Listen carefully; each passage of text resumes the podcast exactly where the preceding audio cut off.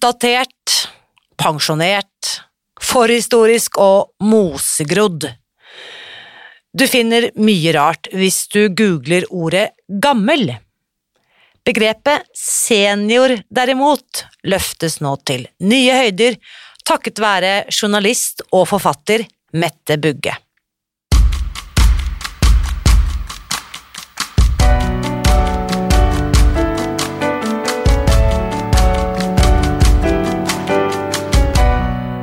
Mitt navn er Irina Lie. Jeg er journalist og forlegger, gründer og sosial entreprenør.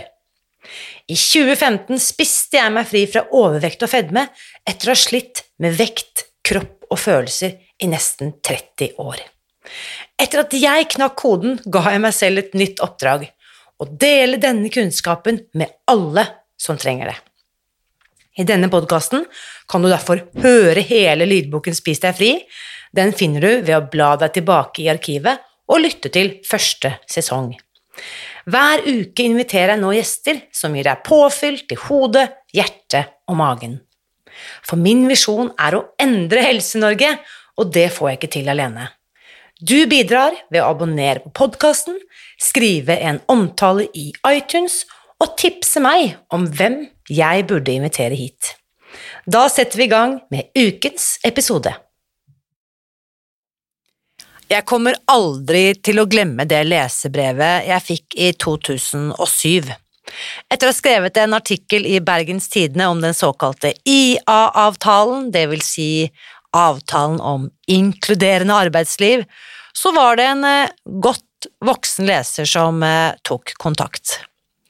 Han mente at en oppegående journalist burde vite at de eldste i en bedrift ikke burde omtales som eldre arbeidstagere, slik jeg hadde gjort. Det er stigmatiserende, skrev han til meg. Det korrekte begrepet er senior. Jeg var 31 år gammel og hadde lært min lekse. Han hadde nemlig helt rett. Fordi jeg vet at ordene vi bruker om oss selv og andre, skaper vår oppfatning av virkeligheten. Så hvis jeg omtaler en kollega som mosegrodd eller utdatert, så vitner det verken om eh, særlig mye respekt eller eh, empati. Å være senior, derimot, det er en hedersbetegnelse som jeg håper flere får muligheten til å smykke seg med. Og denne våren så har Mette Bugge løftet denne tematikken helt til topps på agendaen. Hun har jobbet i Aftenposten i 43 år, og er fremdeles en av Aftenpostens mest produktive og kreative journalister. Mette har tidligere blitt kåret til årets seniorprofil, og hun fikk nylig prisen som den mest lærevillige senioren av Learn University. Det hun skal fortelle deg i dag, vil forhåpentligvis få deg til å innse at alder er kun et tall. Her er ukens gjest. Kjære Mette, velkommen til podkasten. Tusen takk. Altså, dette har jeg gledet meg til så lenge, og du er jo ikke lett å få en avtale med, for du har vært travelt opptatt i det siste. Ja, jeg har eh, gitt ut bok, og det har tatt mye tid. For jeg har vært så heldig å blitt invitert til ulike NRK-programmer og God morgen Norge, og blitt intervjua i masse aviser, så det har også tatt tid. Men øh, jobben tar vel kanskje mest tid. Ja, fordi at øh, det vi skal snakke om i dag, handler om øh, gullet blant oss, kan vi si. Det er det jeg Altså, ikke sant? Eh, Tittelen på boken din, som også på en måte blir en rød tråd i denne, i denne episoden, er jo det å være senior. En senior i arbeidslivet, og det eh, Der er jo du en helt fantastisk representant, eh, Mette. La oss ta det viktigste først. Hvor gammel er du? Ja, nå blir jeg 70 år i desember. Fantastisk.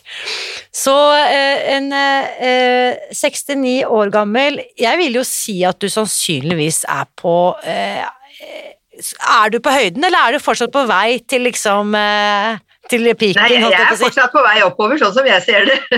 For nå drar jeg jo, nå drar jeg jo nytte av all den erfaringa jeg har i jobbsammenheng, som jeg kan bruke til arbeidet på jobben, da. Yes. Og da får jeg kjenne meg da at jeg er journalist i Aftenposten. Ja, og ikke bare er du journalist i Aftenposten, der har du vært ikke sant? Du har vært der i over 40 år, men du skriver i boken at du er inne i ditt sjette tiår, ikke sant? Ja. Du har vært liksom i ti ulike desennier, har du vært journalist i Norges fremste og viktigste avis.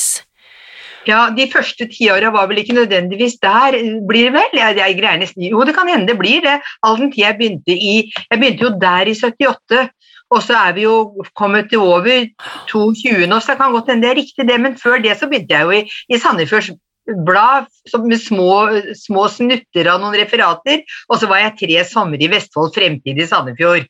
Eh, Så å si, den erfaringa går veldig langt tilbake. Fantastisk. Og det er mye vi skal favne om, eh, og naturlig nok vil jo din mediebakgrunn være medvirkende her, fordi det som er veldig morsomt, jeg fikk jo boken din eh, i hende for et par dager siden, har ikke, må jeg ærlig innrømme, rukket å lese hele, men det jeg har lest, det er veldig morsomt, for det er jo også for oss som har jobbet i norsk presse og mediebransje i mange år, det er jo faktisk eh, en rød tråd med norsk mediehistorie også i denne boken. Det var kanskje ikke det som var formålet ditt da du begynte å skrive, men det er jo det som også kommer gjennom i disse permene. Ja, jeg måtte jo ha med eh, Forlaget ville at jeg skulle være en sånn litt, rød tråd gjennom beretningen, da. Og jeg pleier å si at jeg håper ikke jeg ble en rød klut, For, eh, men, var, men jeg har jo opplevd så mye, og da er det viktig å få med litt av det på veien til et langt og lykkelig seniorliv, da. Altså hva du har opplevd, og hva du har tatt med deg, og det du nå sitter igjen med, som kan brukes fortsatt, hvis du er villig til å endre deg. Det er det jeg tenker. Og eh, jeg vet at det er flere lyttere av denne podkasten som er både 69 år og eldre, og jeg kjenner også mange 69-åringer. Og jeg må si, Mette, du stikker deg ut av bunken. Du er eh, hakket sprekere, hakket friskere, hakket tøffere, holdt jeg på å si, i topplokket, ikke sant? Eh, Du er utrolig modig, og vi må jo snakke litt om hvordan vi to også ble kjent. Eh, vil du begynne, Mette? Du visste om meg før jeg visste jeg, hadde, jeg visste jo om deg fra avisspalten, men vi hadde jo ikke møttes før du en vakker dag tok kontakt. Fortell litt om det. Ja, altså da på den tiden, og det er ikke så veldig mange år siden faktisk, så skrev jeg veldig mye trening, trim, vi var innom det vi kaller slanking, ikke sant, gå ned i vekt, altså alt som har med livsstil og helse og den slags.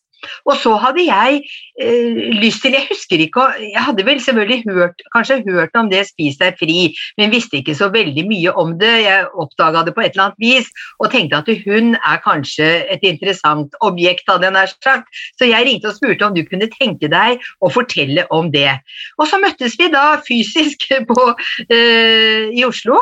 Eh, og du ga en lang innføring i hva, hva dette var for slags opplegg, og jeg skrev og noterte og, og sånn. Og så husker jeg, jeg spurte ikke om å få en bok, men du sa har du lyst til å ha den boka, den gule boka som er egentlig som du hadde gitt ut, og jeg tenkte ja, ja, det kan jeg jo gjerne ta med meg, ikke sant? Og så kom jeg vel hjem og leste den. Det kom for øvrig en sak, en sak på to sider i avisa vår og til mange mange andre aviser som vi samarbeida med. Eh, Men jeg hadde jo nå fått den boka og tok og kikka på den men, og leste litt og syntes for så vidt det var interessant, men det blei ikke noe så veldig der og da at jeg tenkte oi, dette må jeg gå i gang med. Jeg tenkte vel mer at dette er vel egentlig ikke så veldig mye for meg. Selv om jeg veier for mye, så er vel ikke dette noe for meg. Jeg orker ikke å begynne å veie maten, og hva er den dumme ounsen, og hva, hvorfor snakker jeg om cravings? Jeg syns det var så dumt, alt det greiene der. så det ble vel mer eller mindre liggende, hadde jeg nær sagt. Men hvis jeg skal gå videre, så var det altså her i, i påsken, og det var for eh, ja, bare for et eh, drøyt år siden. Altså jeg begynte på kurs i april, og foranledningen til det var følgende. Jeg og mannen min vi hadde dratt opp til et sånt fritidshus vi har i Elverum, og da var jeg fortsatt på dette søtsug hugget, hadde jeg nær sagt. Så da vi kom til dette fritidshuset, så ser han sjokolade ligge i, i, i, i skapet, mens han holder på å bære inn noen andre ting. Altså, Jeg skynda meg å spise den og tenkte at han husker ikke det at den lå der forrige gang vi var der. ikke sant? Skynda meg å spise den, og så å, å kaste papiret uten at han så det. ikke sant? Og så hadde vi kjøpt noen kaker og noe sjokolade og noe sånt, for jeg sa selvfølgelig så fint ja, hvis svigermor kommer på besøk, så må vi jo ha noe, ikke sant. Eh, men når, når jeg skulle gjøre i stand det til svigermor og delte opp den der lange plata med sjokolade, ikke sant? så spiste jeg masse biter. Jeg husker når mannen min kom inn, så sa han jøss, var det så likt i den plata? Da? Ja, ja, ja, det er ikke mer, sa jeg. Da hadde jeg omtrent spist halvparten sjøl. Og så fikk jeg utrolig Så tenkte jeg, når jeg var ute og gikk tur den dagen da, så tenkte jeg fader ulland, hvorfor holder du på sånn, vet du? Altså, hvor skal dette ende? Og da husker jeg at jeg ringte til deg og sa vet du hva, Irina, jeg melder meg på kurs, og da begynte jeg på mandag eller sånt noe. I slutten av april, for litt over et år siden. Utrolig. Den samtalen husker jeg, og det jeg også husker da vi møttes Jeg tror det må ha vært året før, det kan ha vært på vårparten 2019, ja, da du skrev denne artikkelen ja. for Aftenposten. Ja. Um, så hadde vi jo Det var jo så hyggelig å treffe deg. Vi satt her på kontoret i Oslo. Og det som jeg naturlig kommer innpå når jeg snakker om Spis deg fri, så forteller jo folk ofte om sine egne på en måte struggle style, hva heter det, at de har selv kjempet eller holdt på med vekt eller kropp eller helse, ikke sant. Og da husker jeg du underveis i den samtalen også fortalte at du hadde jo strevd med vekt, fordi at du er jo du har jo vært aktiv håndballspiller eh, egentlig hele livet, stemmer ikke det? Ja, siden jeg var 13 år har jeg spilt håndball. Ja, og, og, du, spiller, og du, spiller, fortsatt. Ja. ja. Uh, og du er kjempegod. var. Var. Spilte på toppnivå. Topp, eh, toppidrettsutøver. Og da, ikke sant, du har masse både uh, egen erfaring, masse da, da, du var toppidrettsutøver, hvilke forhold hadde du til vekt da? Hvordan var det? Nei, Det var vel sånn Hva skal jeg si for noe? Fordi jeg, jeg, jeg, spilte, jeg spilte, på et håndballag i Oslo.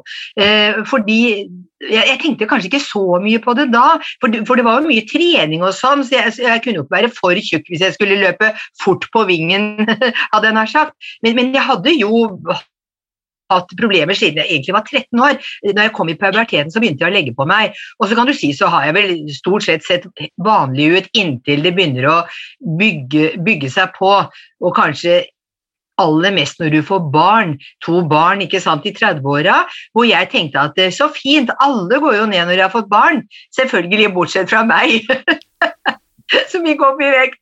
Ja, ja. Det var liksom sånn typisk, ikke sant. Nei, jeg hørte om disse her ammeperiodene ammeperioden hvor man bare skulle liksom Kiloene bare rant ut av deg sammen med denne melken, men det skjedde ikke hos meg, da. Men ok.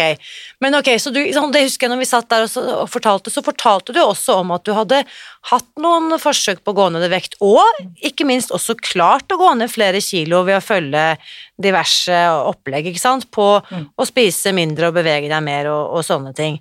Så det var jo også interessant å kjenne at vi på en måte møttes som to meningsfeller i forhold til det å streve rundt vekt og kropp, fordi der er vi på ingen måte ensomme, Mette. Og så var det morsomt når du da året etter, etter å ha skrevet denne artikkelen eh, i, eh, i Aftenposten, tok kontakt eh, og startet. Og det som også da, for de som ikke husker så langt tilbake, dette husker selvfølgelig alle, men april 2020, det var jo bare et par uker etter at landet hadde stengt ned, og du var henvist til hjemmekontor, hvor du sikkert har vært siden, vil jeg tro. Mer eller mhm. mindre. Bortsett fra når du fyker rundt i verden og dekker idrettsstevner. Men eh, da starter du i april, etter påsken 2020. Du er klar for å ta grep. Uh, hvordan uh, Det har skjedd en eller annen switch da oppi hodet på deg, at du kjenner at du er klar. Men ja. det at du nå er nedstengt og at du er på hjemmekontor, hvordan funket det for deg i forhold til det å skulle endre livsstil?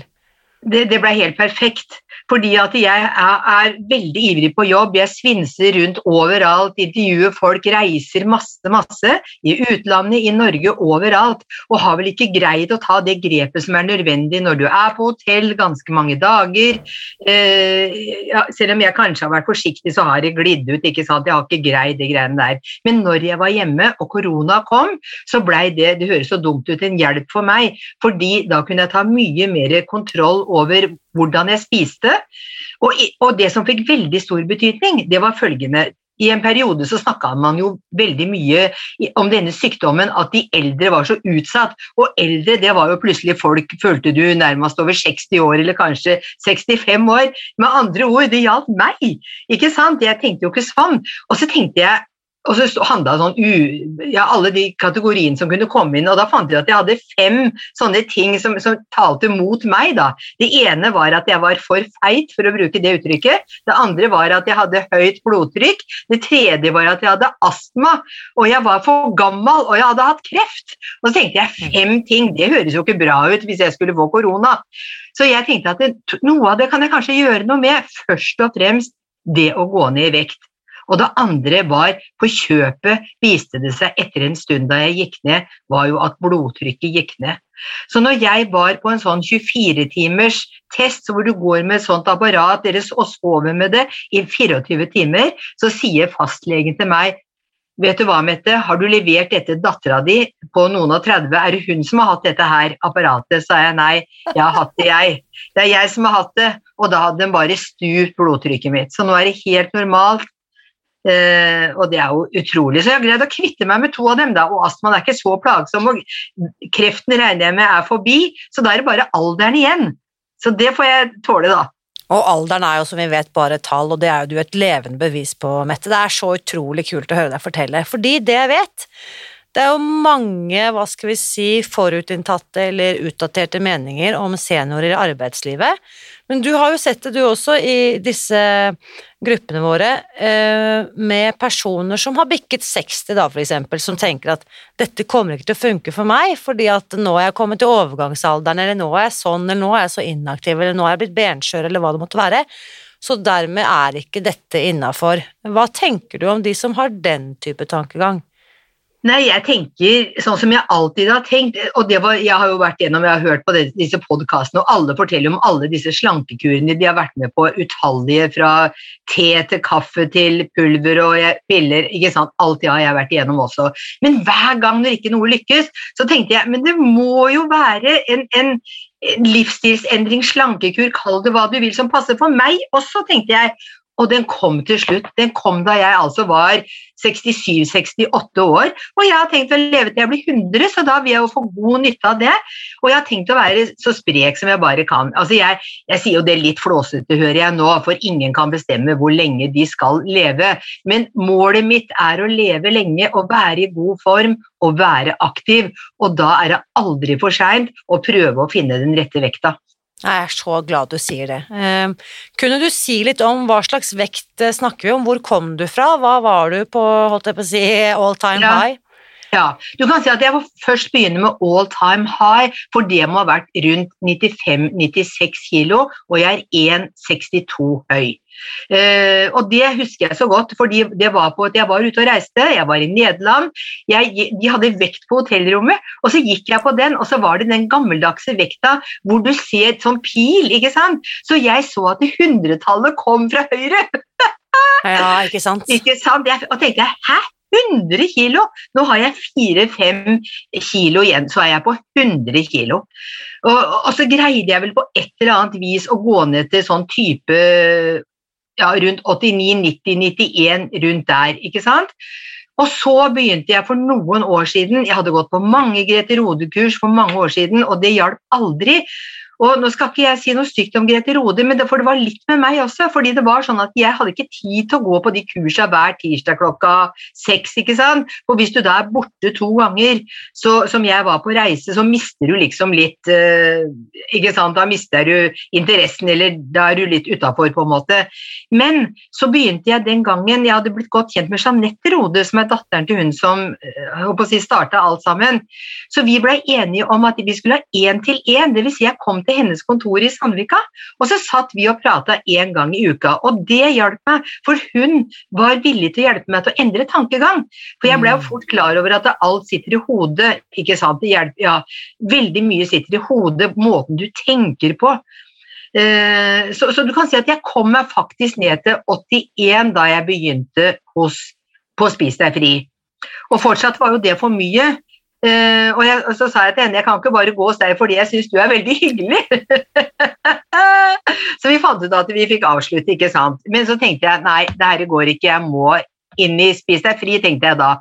Og da har jeg faktisk gått ned til 69 kilo. Da har jeg gått ned til 69 kilo. Så da, ja, så da, er jeg veldig glad for det.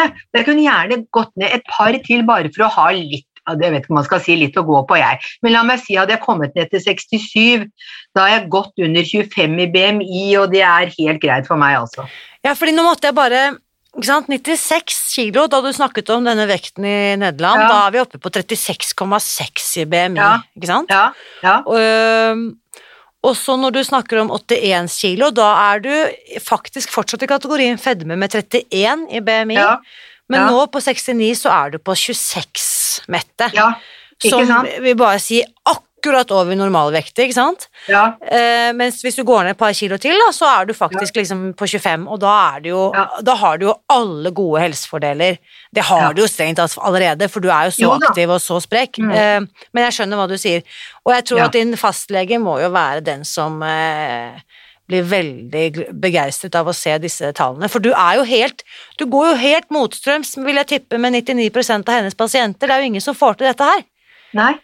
Og jeg har jo selvfølgelig fortalt om det til henne, så neste gang jeg skal ha den sagt, så skal jeg fortelle om dette opplegget med fastleger, og at man på en måte har mulighet til å, til å bli med der. For jeg tror nok at veldig, veldig mange ikke helt vet hva det går ut på.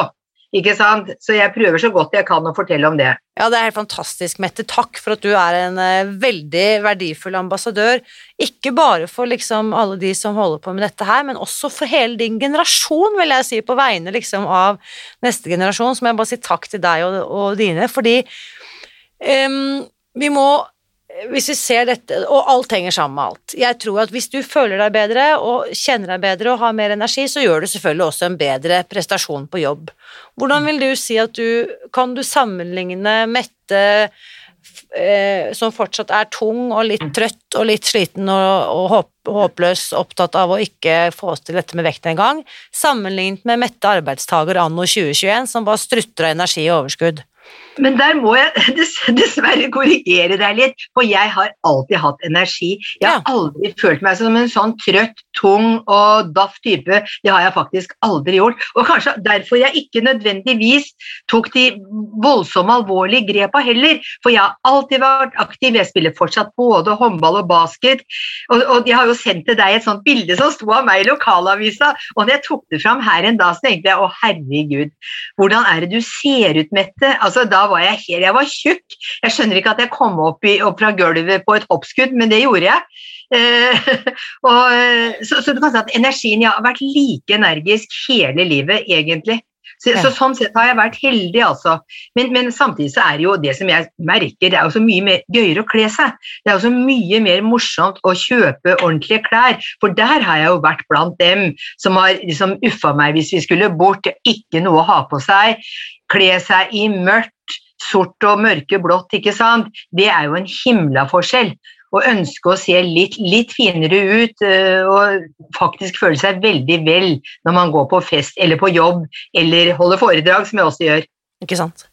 Eh, når du har møtt, ikke sant, du har jo eh, vært du har akkurat for ikke så lenge siden kommet tilbake fra Oberstdorf. ikke sant? Du møter jo alle som er anyone who is someone. I idrettens verden har du intervjuet, og ikke bare én gang, men gjentatte ganger. Alle kjenner Mette.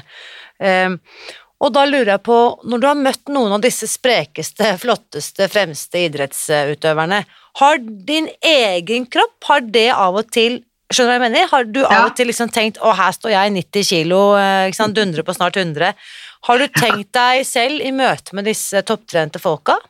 Har du tenkt noe både, både og. Noen ganger så veit jeg liksom også så mye de legger ned for å komme der de, der de er, da. Ikke sant? Med masse trening, hvile, altså restitusjon. Eh, de er utrolig målbevisste. Så jeg har bestandig hatt god selvtillit, og det høres så dumt ut sikkert å si det, men da liksom Jeg har tenkt skit i de kiloene, jeg, jeg er meg, dette går bra, liksom. Ikke sant? Inntil jeg tenkte her må vi gjøre noe. Så jeg har, jeg har beundra dem og synes fy søren og flinke de er til å få gjennom to og tre treninger hver dag. Jeg har jo ikke vært der. Så, så det er mer beundring og sånn overfor dem. Eh, men jeg merker jo nå når jeg prater med dem nå, at mange sier 'jøss, jeg syns du har gått ned i vekt', ikke sant? Så det får jeg, jo- det får jeg høre. Fantastisk. Um, du skriver Det er så mange spennende temaer du, du eh, nevner i boken din. Og en, eh, en ting som jeg tenkte vi måtte stoppe litt opp, som jeg syns også er connected til dette, eller henger sammen med det vi har snakket om så langt.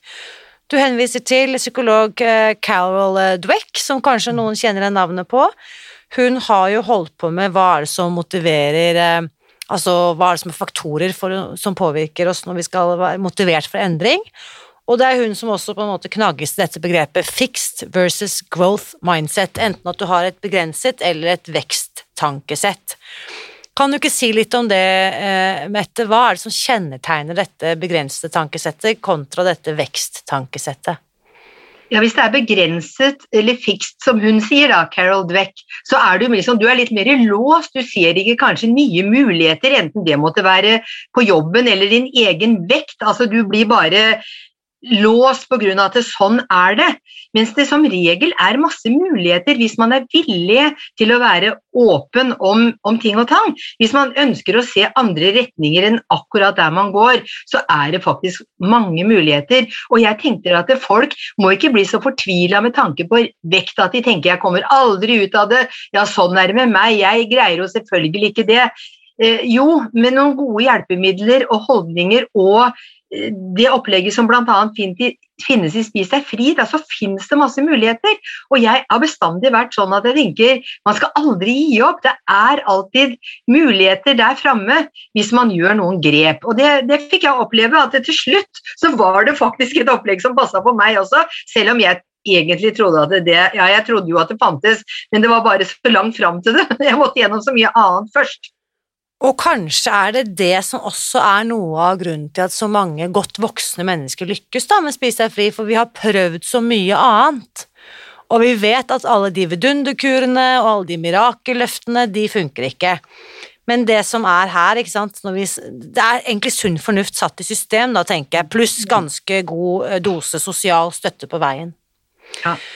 Du skriver om en fantastisk hendelse her i boken eh, når eh, Espen Egil Hansen overtar som sjefredaktør i Aftenposten. Det er vel fort vekk snart ti år siden, det òg.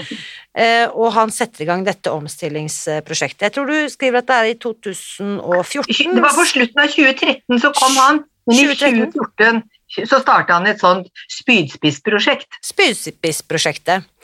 Uh, og du er jo på dette tidspunktet da over uh, 60 og blir valgt ut som en av spydspissene til dette prosjektet, ikke sant?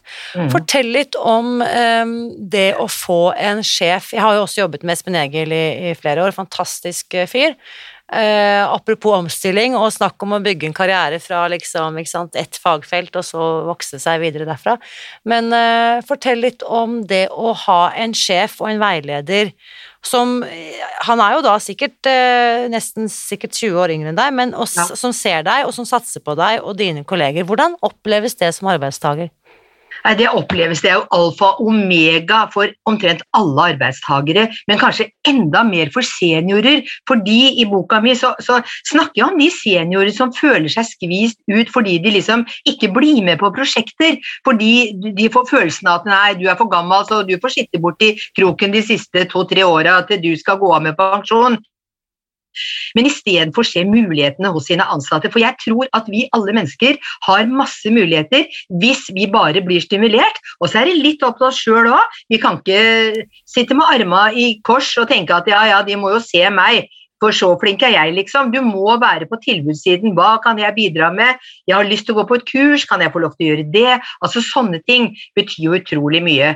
Men jeg syns det var så kjempefint at først han, og også min senere, eller sjefen jeg hadde da, for det var vel han som egentlig uh, hadde jeg nær sagt sa Mette, jeg vil ha deg med i det Spydspis-prosjektet, uh, som lot liksom ikke alder tale imot, som ser at vi alle har muligheter. Det, handler om ikke fødselsattesten din, men hva du leverer. Hva du står for og hva du vil bidra med. Og vil du bidra, så mener jeg at det er mange muligheter. Og nettopp fordi jeg fikk den sjansen der til å se, for dette var i overgangen til at vi skulle skrive mer mot nett. Og eh, tenke nett først, og ikke så mye avis, selv om vi gjør jo det i dag og tenker avis. Men eh, de, de, nettsakene, hvordan de skal formes, hvordan, hva vil ungdommen lese, altså sånne ting, det, det fikk løfta meg veldig. Jeg fikk aha eh, til å skjønne hvordan en god nettsak skrives. Og etter det har jeg aldri sett meg bakover, som de sier. ja. Fantastisk. Eh, det er jo mye gullkorn og fantastisk mange spennende historier, sånn som jeg var inne på litt innledningsvis. Dette er egentlig norsk mediehistorie, eh, fortalt eh, drivende godt også. Du nevner jo også noen andre selskaper, blant annet disse sosiale entreprenørene i Asker, som heter Gammel Nok, som jeg også har god kjennskap til, som faktisk ansetter seniorer og har et bemanningsbyrå hvor du da som arbeidsgiver kan hyre inn, la oss si en, kanskje trenger du en uh, regnskapsmedarbeider eller en HR-sjef i en viss, viss, periode, så kan man kontakte gammel nok, og så, og så kan de eh, skaffe deg en kompetent senior. Ja, det stemmer. Det, det, er, det, er, muligheter. Jeg peker på det. Og selv om du sier det er selvfølgelig en del mediehistorie, men det vesentligste er jo at jeg har snakka med over 100 gründere, eh, seniorer, forskere, HR-ledere og ikke minst ledere som jeg, jeg, så betydde så utrolig mye. For å få, og med masse eksempler i denne boka, på folk som både har slutta jobben, og de som angrer seg, men ikke minst de som jobber og, og stortrives. Og, og, hvis jeg bare kort skulle liksom si noe om det, så ja, ja, lederen har utrolig mye å si. Det er derfor jeg håper at ledere kan lese den boka og, og ta noen av de tinga til seg. Eh, fordi jeg, det er helt greit hvis folk som begynner å bli 62, 64, 65, hva de blir, har lyst til å slutte jobben. Jeg skal ikke pålegge folk dårlig samvittighet fordi de av en eller annen grunn ønsker å slutte. For for livene våre er forskjellige. Er man gift med noen som er ti år eldre, så ønsker man kanskje å, å, være i jobb. Har man hytte i, på fjellet og vil være mye der. Det er så mange ting.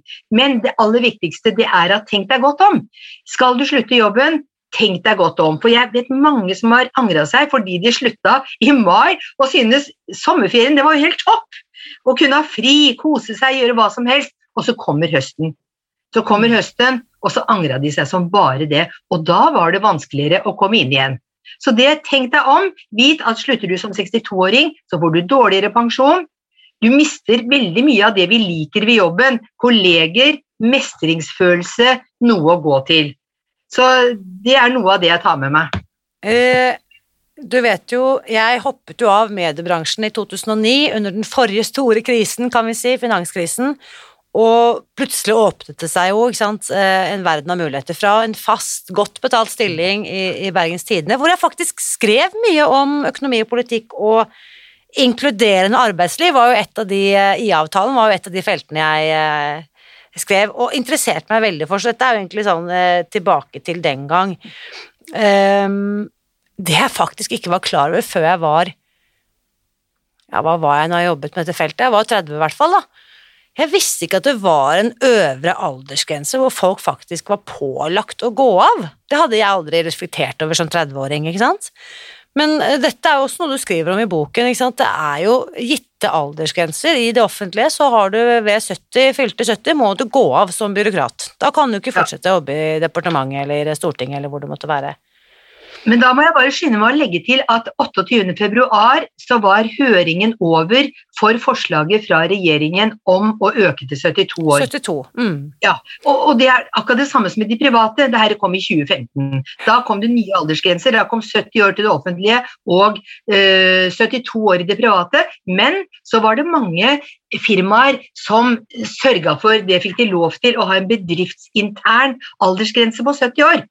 Eh, det, fikk no, og det, Årsaken til det var mye at de trodde at seniorer de ville klamre seg til jobben. ikke sant? De ville, mm. de ville ikke bli kvitt seniorer, sånne gamlinger.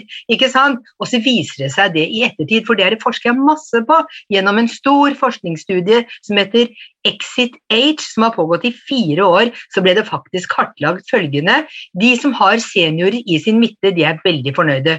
Og da, med seniorer så mener jeg folk som er 64-65, og i hvert fall godt opp i 60-åra, ikke sant? Og opp mot 70 og vel så det. De er fornøyde.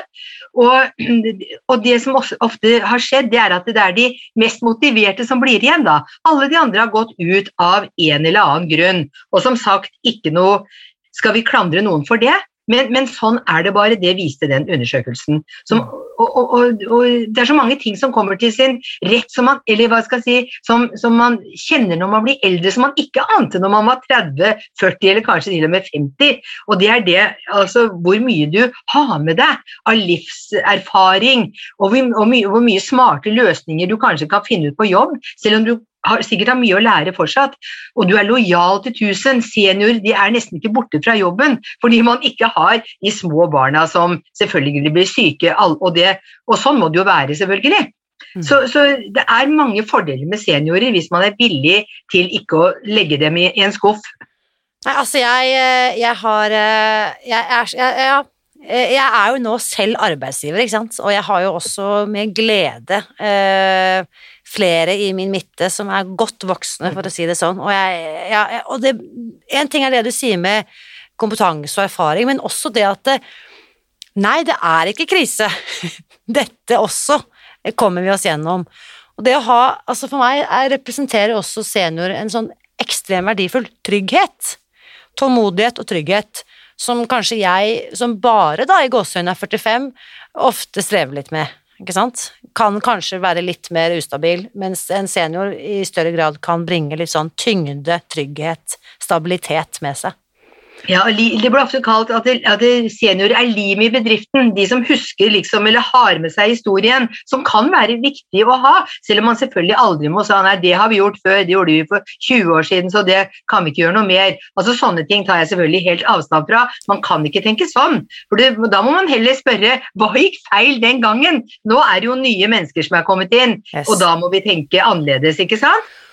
Og det jeg digger i både i alt du forteller, og også det du uh, viser frem da, i denne boken Senior, som jeg uh, på det varmeste kan den, uh, anbefale, den, har et fantastisk omslag, knall rød, kan ikke forbigås, si, hvis du ser den i butikkvinduet på Nordli. Cappelen Dam har gitt ut denne.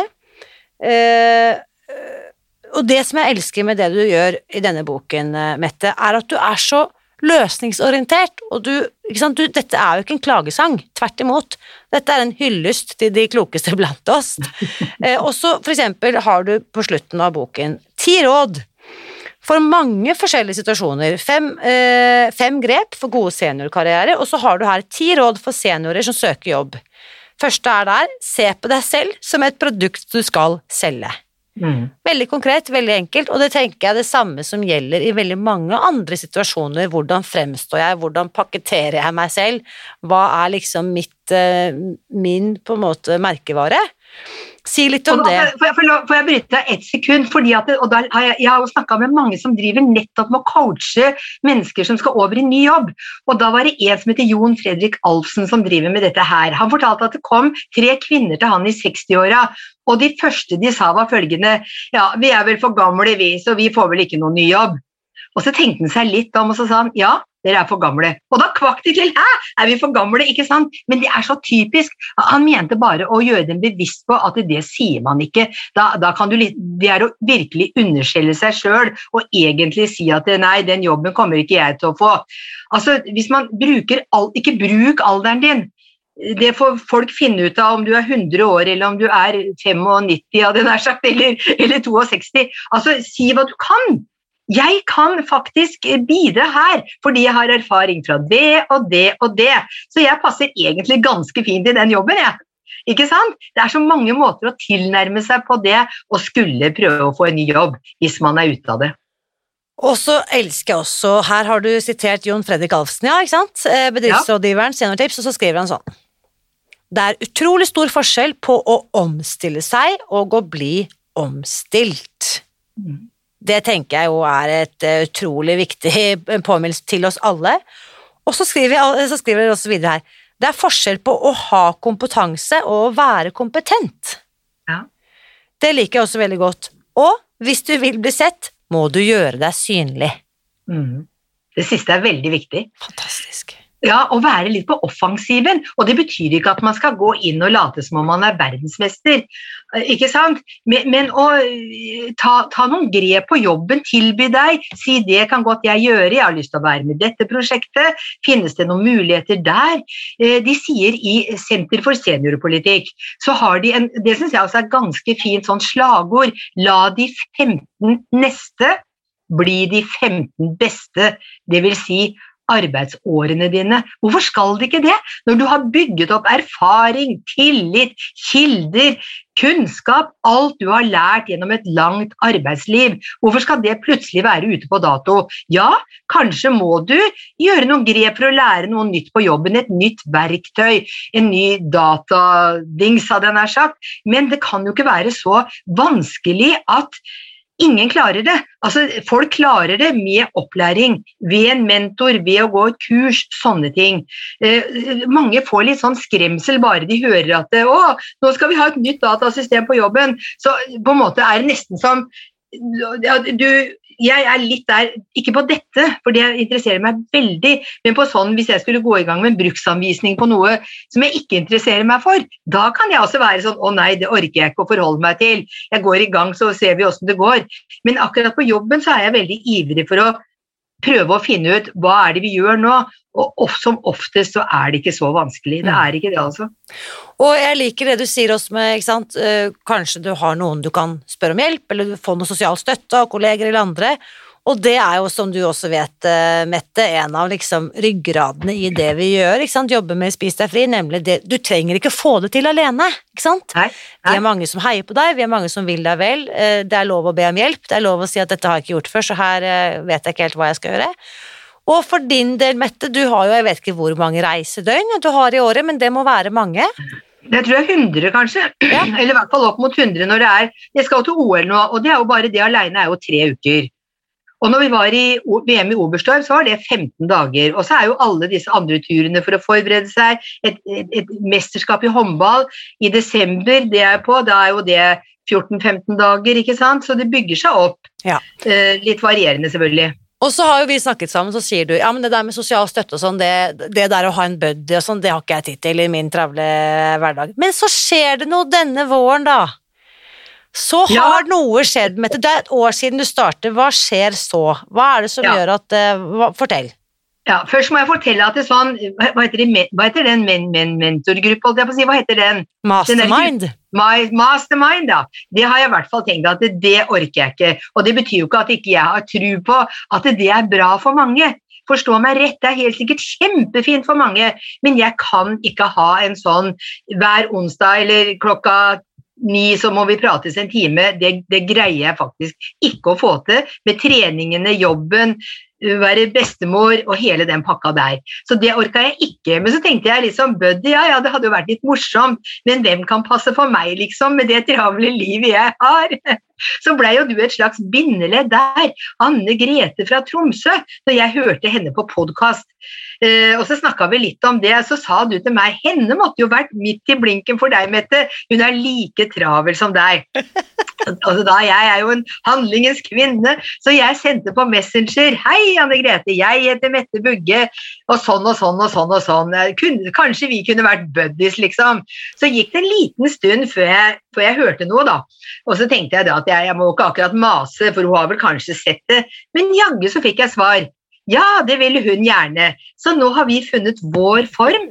At vi ringes én gang i uka, vi avtaler det. Men, men, først og fremst sende hverandre meldinger med hjerter. Og senest i dag så har hun sendt meg 'Hei, eh, går det bra? Jeg har det fint nå.' Og så sa jeg at jeg er ikke flink nok til å lage en matplan. Jeg er egentlig ganske flink, men ikke å lage sånn ordentlig matplan. Så sa hun da går du i gang med det. Det skal jeg love, sa jeg. Og jeg elsker det at sant, til og med via podkasten at noen hører og noen lytter, og så skapes nye forbindelser på de mest mirakuløse vis. Fantastisk. Og historien til Anne Grete, for de som gikk glipp av den, den ligger jo da tre-fire episoder tilbake i arkivet, så den eh, Ja, dette Og jeg må jo le, for av og til så tenker jeg sånn Hadde jeg ikke holdt på med dette, så burde jeg vært sånn matchmaker i, en, i en parallell karriere, for jeg elsker når folk finner hverandre. Typ sånn, ikke sant. Eh, om det er seniorer og juniorer eller kvinner og menn eller buddies eller masterminds, det er jo helt fantastisk. Og fordi livet blir jo mye hyggeligere når man har noen å dele det med, om det er matplaner eller bilder eller hilsener eller hva det måtte Ja. være. Og jeg vil jo si at det, eh, det eneste dumme med den gruppa vi hadde, selv om det, det, jeg likte jo kjempegodt de menneskene som var på den gruppa jeg gikk, men jeg tror vi var de eneste som ikke da, da var etablert noen sånn Facebook-gruppe. Kan det stemme? Ja, altså det skal sies. Det var Ja. Altså motstanden mot Facebook har jo vokst gjennom årene. Så i okay. april 2020 så bestemte vi oss for å ta vekk Facebook-communityen og erstatte det med et community eller en gruppe som ikke Ja. var knyttet til Facebook. Og det kan vi si at det skjedde bare én gang, for det funket ikke.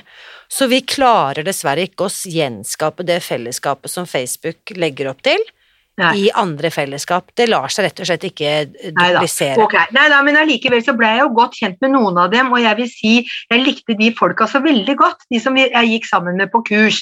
Og jeg møtte dem også igjen, ikke sant, da jeg var ute på, da jeg var med på en sånn ute på Villa Malla, Ja, på sant, Sommerfesten. sånn sommerfest, så var det jo med en gang så var jeg og snakka med Nina og, og flere andre som da hadde vært med og, i den gruppa. Og, og selvfølgelig mange av de som såkalt gjør tjeneste for deg, de var jo fantastisk flotte. Kristina og sånn, jeg må si det. Og De de frivillige og veilederne, ja. Og det er jo så fantastisk. tenkt at vi kan ha sittet liksom i Elverum eller i Tromsø eller Sandefjord, ikke sant, Eh, og vært med på et digitalt kurs, og så møtes vi på ekte, og så Ja. er det som om vi kjenner hverandre og har kjent hverandre hele livet. Og jeg var jo med også på det digitale møtet nå, bare for å ha sagt det. Det var jo en sånn digital fest, og den ble jeg også flott, det flotteste du kunne tenke deg når man da ikke kunne møtes fysisk. Det, det var veldig lagt opp til veldig mye bra der, det må jeg si. Morsomt at du nevner Mette, for jeg lurer på om jeg skulle Det er jo lenge til vi fortsatt kan møtes, jeg lurer på om vi skulle kanskje dra i gang en fest til, er i juni. Kan godt hende det. Da må vi, på- ja. eh, da må vi finne på noe seniorsprell også. Ja. Eh, Mette, til de som er eh, 69, enten de nå går inn i sitt siste ordinære arbeidsliv, eller at de kanskje kjenner at helsen er på hell, eller at de lurer på om de skal ta opp igjen håndballen og starte en ny veterankarriere. Hva er det du vil si til eh, han eller hun som hører dette, Mette? Nei, jeg vil si uh, bruk litt den tida du trenger for å tenke gjennom det, men, men det er ikke det, det er jeg, jeg var veldig overraska. Nå skal jeg bare si noe som jeg ikke har nevnt nå. Det var, er jo sø, søtsuget som har gjort at jeg ikke har greid alle de andre kurene. Eh, det var jo nettopp det jeg, at det var kaker og ikke minst is. Jeg, ikke, jeg så stygt på alle som ikke tok is til dessert hvis jeg var noen steder. Jeg kunne jo ikke fatte at folk ville sitte med frukt og ost. Det var jo ikke skikkelig dessert. Og hvis jeg noen få ganger var på hotell og det var sånn at du kunne forsyne deg av veldig mye forskjellig mat og sånn, og jeg var sammen med familien, så må, siden jeg var sammen med familien, så måtte jeg jo spise litt mat, men jeg hadde mest lyst til å gå bare på desserten. Når jeg så alle disse deilige dessertene, ris, eh, krem og sjokoladepudding og is og alt det der. der. Men, og da jeg begynte på det opplegget her, så var jeg helt overraska over hvor fort søtsuget forsvant. Jeg tror det forsvant på fire dager, og det har aldri kommet igjen. Det har aldri kommet igjen. Det er det jeg er mest overraska over, faktisk. Og, og, jeg hadde, og, og jeg funnet noen alternativer. For eksempel, jeg, hadde, jeg tror jeg i mitt liv hadde drukket ti tekopper før jeg ble med i Spis deg fri. For jeg har aldri brydd meg om English breakfast tea og sånn. Det syns jeg har vært noe ikke noe morsomt, hadde jeg nær sagt. Eh, Men da du foreslo pucca-te, og ikke minst som jeg elsker, den der lakristeen, så er det så godt. Altså Det er for meg det samme som om jeg hadde spist ei kake omtrent. altså. Så jeg har funnet erstatninger der. Men, og det siste jeg skal si, det er at jeg gleder meg også veldig mye mer til måltida nå. Mannen min skjønner ingenting. Jeg spør hva skal vi ha til middag i dag, hvis det er hans tur til å lage, han veit jo hva jeg går på nå, så jeg bare dropper litt poteter og litt sånn. For han veit hva jeg skal ha med kylling og fisk, og jeg måler sjøl. Eh, det er liksom så spennende å stå opp og spise en god frokost, og så har vi lunsjen. Jeg holder meg kjempemett. Eh, så det er, det er veldig bra opplegg. Men jeg, spiser, jeg føler jo jeg spiser mye grønnsaker, men det har jeg jo vent meg til, da. Fantastisk. Jeg håper at Jeg, jeg bare kjenner inspirasjonen flomme her. Eh, Ja, det er virkelig et hav av muligheter, og sånn som du sier, hverdagsgledene blir rett og slett forstørret. Eh, fantastisk at du setter ord på det, Mette. Så da vil jeg bare si tusen, tusen takk. Eh, jeg merker at takket være gode rollemodeller som deg, så gleder jeg meg enda mer til seniorlivet som venter der fremme. Tusen takk, Mette. Bare hyggelig. Takk for at jeg ble invitert. Nå lurer jeg på, hva tenker du etter å ha hørt min samtale med Mette i dag? Og hva blir du inspirert til å gjøre, eller prøve, eller be om hjelp til, uansett hvor gammel du måtte være? Samtalen etter ukens episode fortsetter som vanlig i den åpne Facebook-gruppen vår Spis deg fri, og jeg håper du også blir med der og deler dine tanker etter å ha hørt dette. Og hvis det var min samtale med Mette i dag, hvis det var dette du trengte å høre for å tenke at ja, jo, kanskje dette kan funke for meg òg, så har vi altså laget et lite hefte med gratis oppskrifter, sånn at du kan komme i gang med en gang og teste ut denne måten å spise deg fri på, både til frokost, lunsj og middag. Og de oppskriftene kan du laste ned helt gratis ved å gå til nettsiden vår spisdegfri.no skråstrek smakebiter. Og her er det altså snakk om enkle retter som er laget med ekte råvarer, som du kan få kjøpt i alle landets butikker uansett hvor du bor. Du trenger altså ingen spesialprodukter eller ikke noe piller, ikke noe pulver for å spise deg fri. Vi snakker om ekte, god, fargerik mat. Og du finner disse oppskriftene på vår nettside spisdegfri.no smakebiter. Og uansett hvor gammel du måtte være, og uansett hva du velger å gjøre, så vit at jeg heier på deg. Alltid.